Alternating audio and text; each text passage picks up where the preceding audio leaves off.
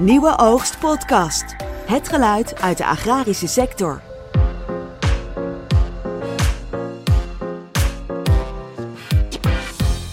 Welkom luisteraars bij een nieuwe aflevering van de podcast De Haagse Oogst. Uh, ik ben René Bouwmeester en naast mij zit... Esther de Snow. Thijs Hallema. En Lisa Sanders. En wij gaan het vandaag hebben over uh, de peiling die we hebben gehad... Uh, onder boeren en andere mensen uit de agrarische sector over de verkiezingen. Want ehm, die komen eraan volgende week. Nou Esther, jij hebt er naar gekeken. Zeker, ja, wat, wij allemaal. Wat is er uit onze peiling gekomen? Ja, we hebben er allemaal naar gekeken, maar jij, jij, hebt, uh, jij hebt het meeste erin gekeken, geloof ik. Ja, Vertel. Ja, zeker. Uh, we zijn daar inderdaad mee bezig geweest. We doen altijd ieder jaar, hè, voor iedere verkiezingsronde uh, doen we een peiling. We hebben er nu twee gedaan. We hebben er één in september gedaan, begin september, en nu dus één in november. En dat geeft wel een heel mooi verschil aan, want we zien uh, dat met name uh, de steun voor BBB uit de agrarische sector weer aan het afbrokkelen is.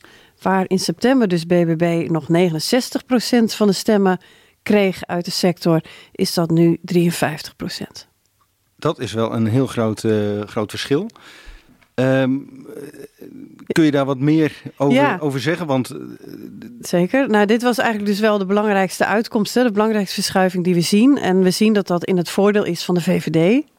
Um, de VVD was bij de vorige keer behoorlijk weggevaagd, begrijp ik. Ja, klopt. Uh, van 5 naar 10 procent nu.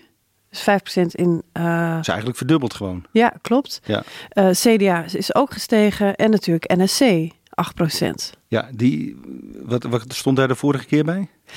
Of deden ze toen nog niet mee? Nou, toen was het net, net bekend. Maar ze hadden toen natuurlijk nog geen lijst en ook nog geen programma. Dus toen was het geloof ik 1 procent. Uh, nauwelijks eigenlijk. Dus de, niet noemenswaardig.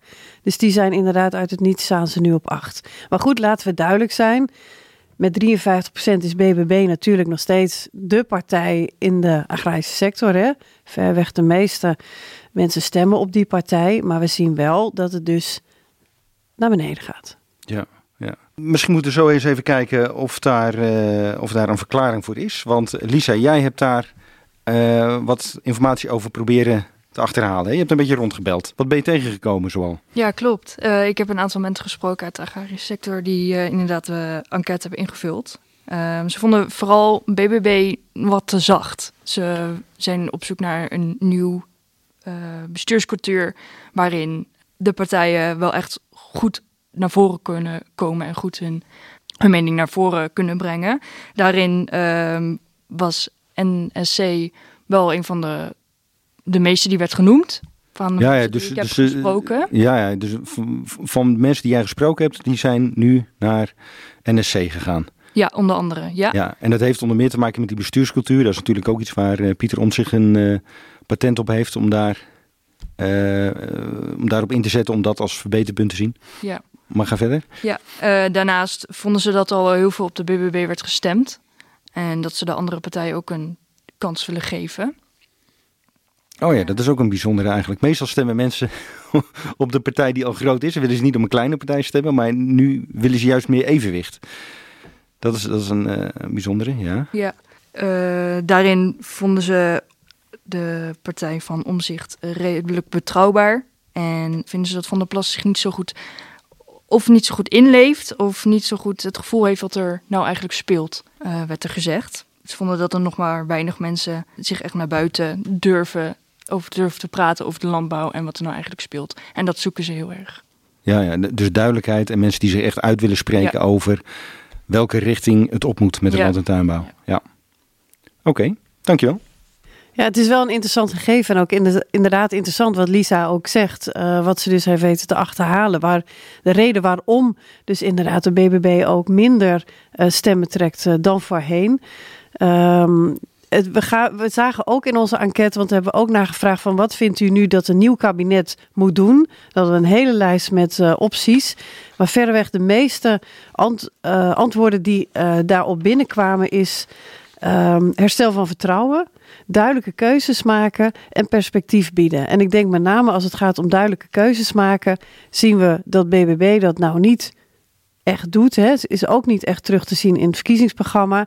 Uh, ja, en ik kan me voorstellen dat inderdaad een partij als de NSC dat, uh, dat daarvan wel, dat die wel meer de uitstraling nu heeft dat ze dat wel gaan doen, duidelijke keuzes maken.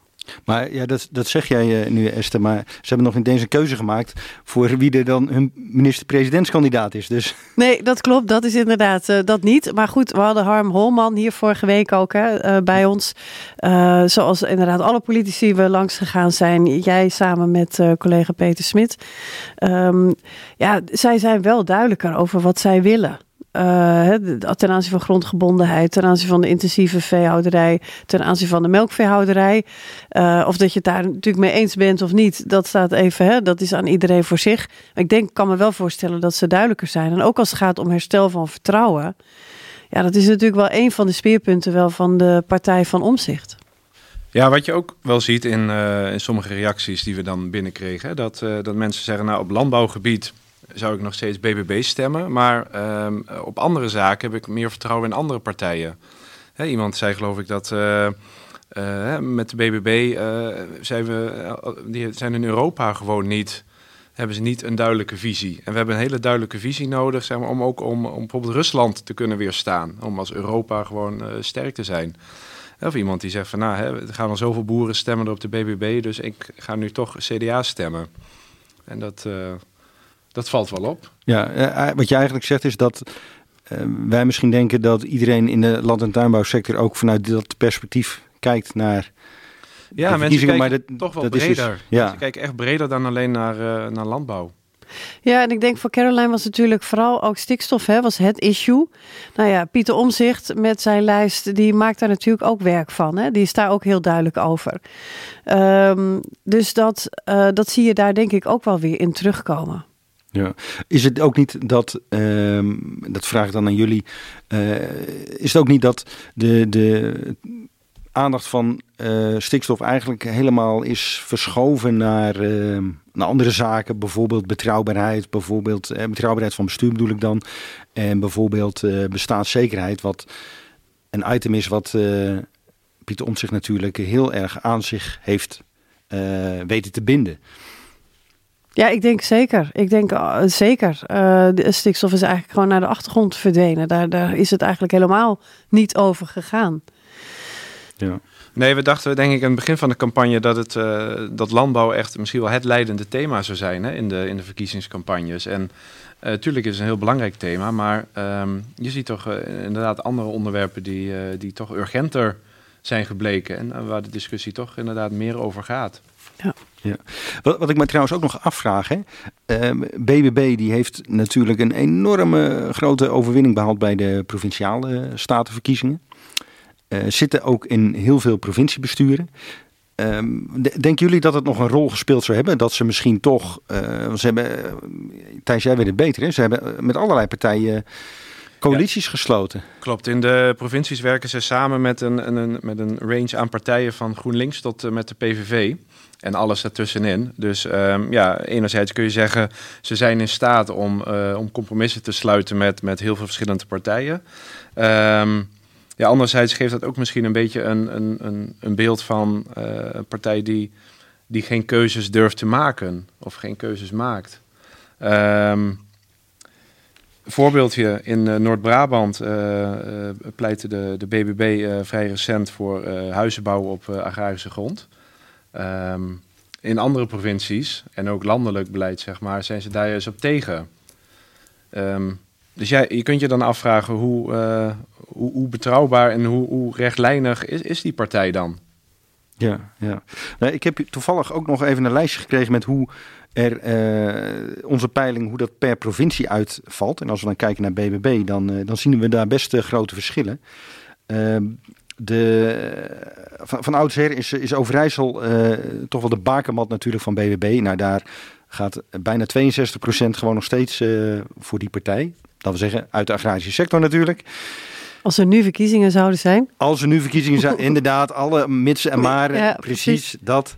En eh, als we dan kijken naar een provincie als uh, Zuid-Holland, dan zou dat uh, op, op 41% uitkomen. Dus dat is wel een, een heel groot verschil. En moet ik er wel bij zeggen dat ik volgens mij was het ook zo dat uh, eh, BBB in, in Zuid-Holland ook niet zo waanzinnig groot was geworden als het bijvoorbeeld was in, uh, in Overijssel bij de provinciale verkiezingen. Klopt inderdaad. Ja. En uh, nou ja, wat uit het lijstje valt ook wel op dat uh, Utrecht, Noord-Holland en ook Friesland, daar zit het aantal BBB-aanhangers onder de, in de agrarische sector onder de 50%. En alle andere provincies zitten erboven met Overijssel als uitschieter. Ja ja, ja, ja. Nou, en ik, ik, weet niet of dat iets zegt. Hè? Je noemt nou net Brabant trouwens. In Brabant zie ik hier staan uh, 58 procent. Dus nog steeds heeft, heel veel steun. Ja, ja, nog steeds heel veel steun. Er is nog steeds heel veel vertrouwen daar in BBB. Dus met name inderdaad Zuid-Holland, Noord-Holland, Friesland, zei je. Ja, ja, ja. oké. Ja, nou, dat, is wel, uh, dat, dat geeft wel een mooi overzicht, denk ik. Ja. Maar dan vind ik Friesland wel opmerkelijk. Kijk, de andere provincies zijn natuurlijk heel erg uh, stedelijk. Um, ehm, BBB ook, ook in de voorgaande jaren daar uh, minder steun dan in, het, in de provincies met meer landelijk gebied. Friesland zou je denken, hè? Ja. agrarische provincie. Want kun jij iets zeggen over BVNL, uh, René? Jij had daar naar gekeken. Want de vorige keer dat wij natuurlijk in september gepeild hadden, toen was net bekend dat uh, eh, FDF inderdaad zich aansloot zeg maar, bij BVNL en Sita Kijmpema op plek 3 kwam. Um, dat is toen dus niet echt meegewogen? Nee, toen was het 1% geloof ik. Nu staan ze op 2%. Verkrijgen ze 2% van de stemmen. Ja, nou, ik wilde daar nog even mee wachten. Maar goed, als je er nu over begint, dan pak ik het er toch even bij. En inderdaad, in, in Friesland, uh, wat volgens mij woont Sita daar toch? Ja. Nou ja, er is wel degelijk sprake van een Van Kuipema-effect. Want is het wel iets meer. Uh, maar dan praat je toch nog over 4%. En eerlijk gezegd zitten we dan al wel op de antwoorden of op de aantallen dat je af kan vragen hoe representatief is het allemaal. Want dan wordt de foutmarge naar boven of naar beneden wordt dan wel wat groter. En dat zie je eigenlijk in, eh, in Noord-Holland zie je dat ook wel. In alle andere provincies is het, uh, is het wat minder. Maar dat heeft op een gegeven moment ook te maken met dat je met dermate lage aantallen respondenten ja. te maken hebt. Dat het heel moeilijk is om er iets betrouwbaars over te zeggen. Dus het heeft nog niet geleid tot een enorme boost voor, uh, voor BVNL, denk ik.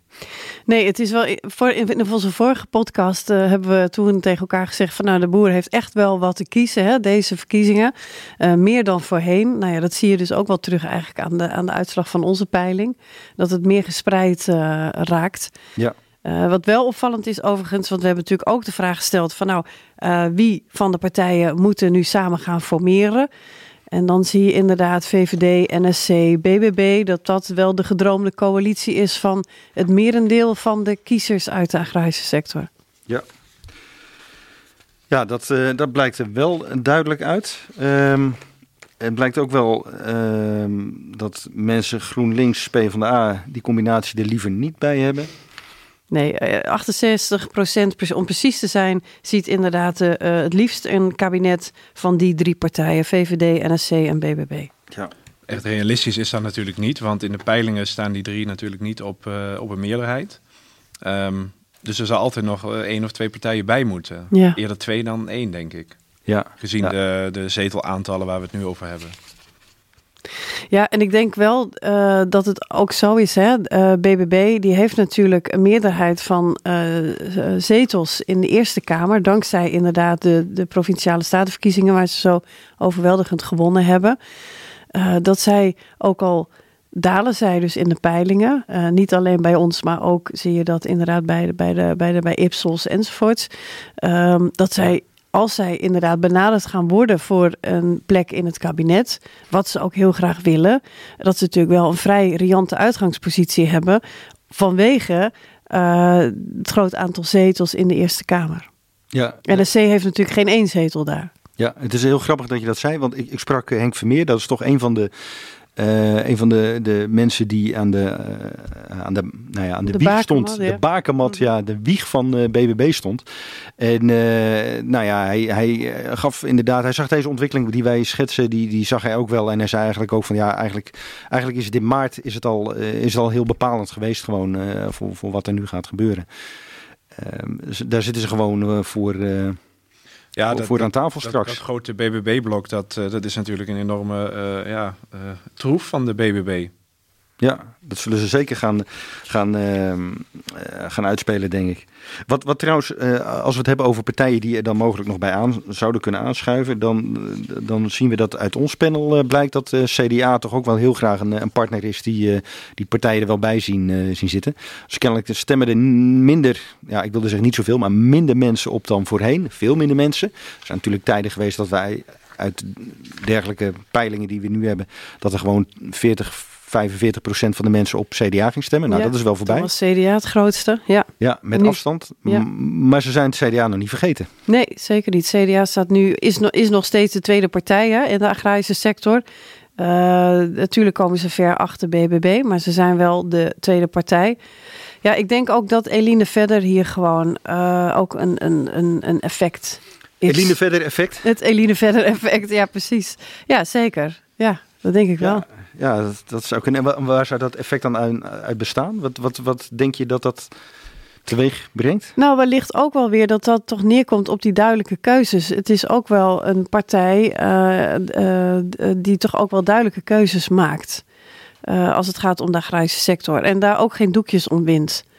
Eh, in tegenstelling wellicht tot het verleden, toen dat dus allemaal eh, veel, eh, nog wel veel meer zo was. En ze wat meer de kerk ook in het midden probeerden te houden.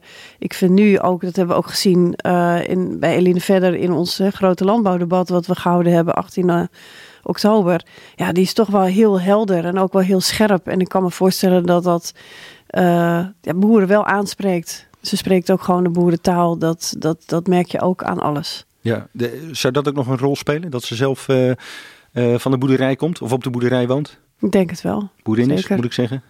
Ik denk het wel. Ja, ik denk dat dat heel belangrijk is. Maar wat ook zo is, dat zowel zij als ook Henry Bontebal, de nummer 1 van CDA, ehm, durven af te rekenen met, eh, met, het oude CDA, zeg maar. hè. Zij, eh, zij kiezen heel duidelijk voor een, voor een eigen koers. En eh, zijn ook gewoon kritisch op, een, op het functioneren van hun partij in de jaren hiervoor. Ja. En ik denk dat eh, ja, de mensen misschien de eerlijkheid ook wel eh, waarderen. Oké. Verder is denk ik nog goed hè, om eh, eh, te melden, dat hebben we nog niet gedaan, dat 2500 respondenten meededen aan onze peiling. Eh, zowel in september was dat als nu. Eh, dus ja, we hebben wel weer hiermee echt wel eh, weer, weer een mooie representatieve peiling neer weten te zetten. Volgende week hebben we nog een laatste, eh, ons tweede debat. Voor ons ook de laatste, eh 20 november. De laatste in de zin dat wij dat organiseren. Samen in dit geval met NAJK en Eres eh, Hogeschool. Het vindt ook plaats op het Eres in, in Dronten. En dan hebben we 13 politici, waaronder ook Caroline van der Plas is daar ook aanwezig. En ook alle andere partijen die we inderdaad ook net eerder natuurlijk noemden. 13 in totaal. En dan gaan we inderdaad weer een mooi debat houden daar met, voor de jonge boeren. Ja, Met want, onderwerpen die natuurlijk relevant zijn voor de hele agrarische sector. eh, voor jonge boeren en voor studenten neem ik aan. Zeker, studenten zullen daar zeker ook eh, eh, bij aanwezig zijn. Ja, En hoe kunnen de luisteraars van de Haagse Oogst eh, daar... hele goede vraag. Dat kunnen zij doen via nieuwoogst.nl. is het live te volgen of... Absoluut, vanaf half één. Dat lijkt me een, een mooi vooruitzicht, Esther. Ehm, ik wil jullie bedanken voor het luisteren. En eh, ik dank ook eh, mijn mede-hosts Thijs Hallema, Lisa Sanders en Esther de Snow. Dankjewel René.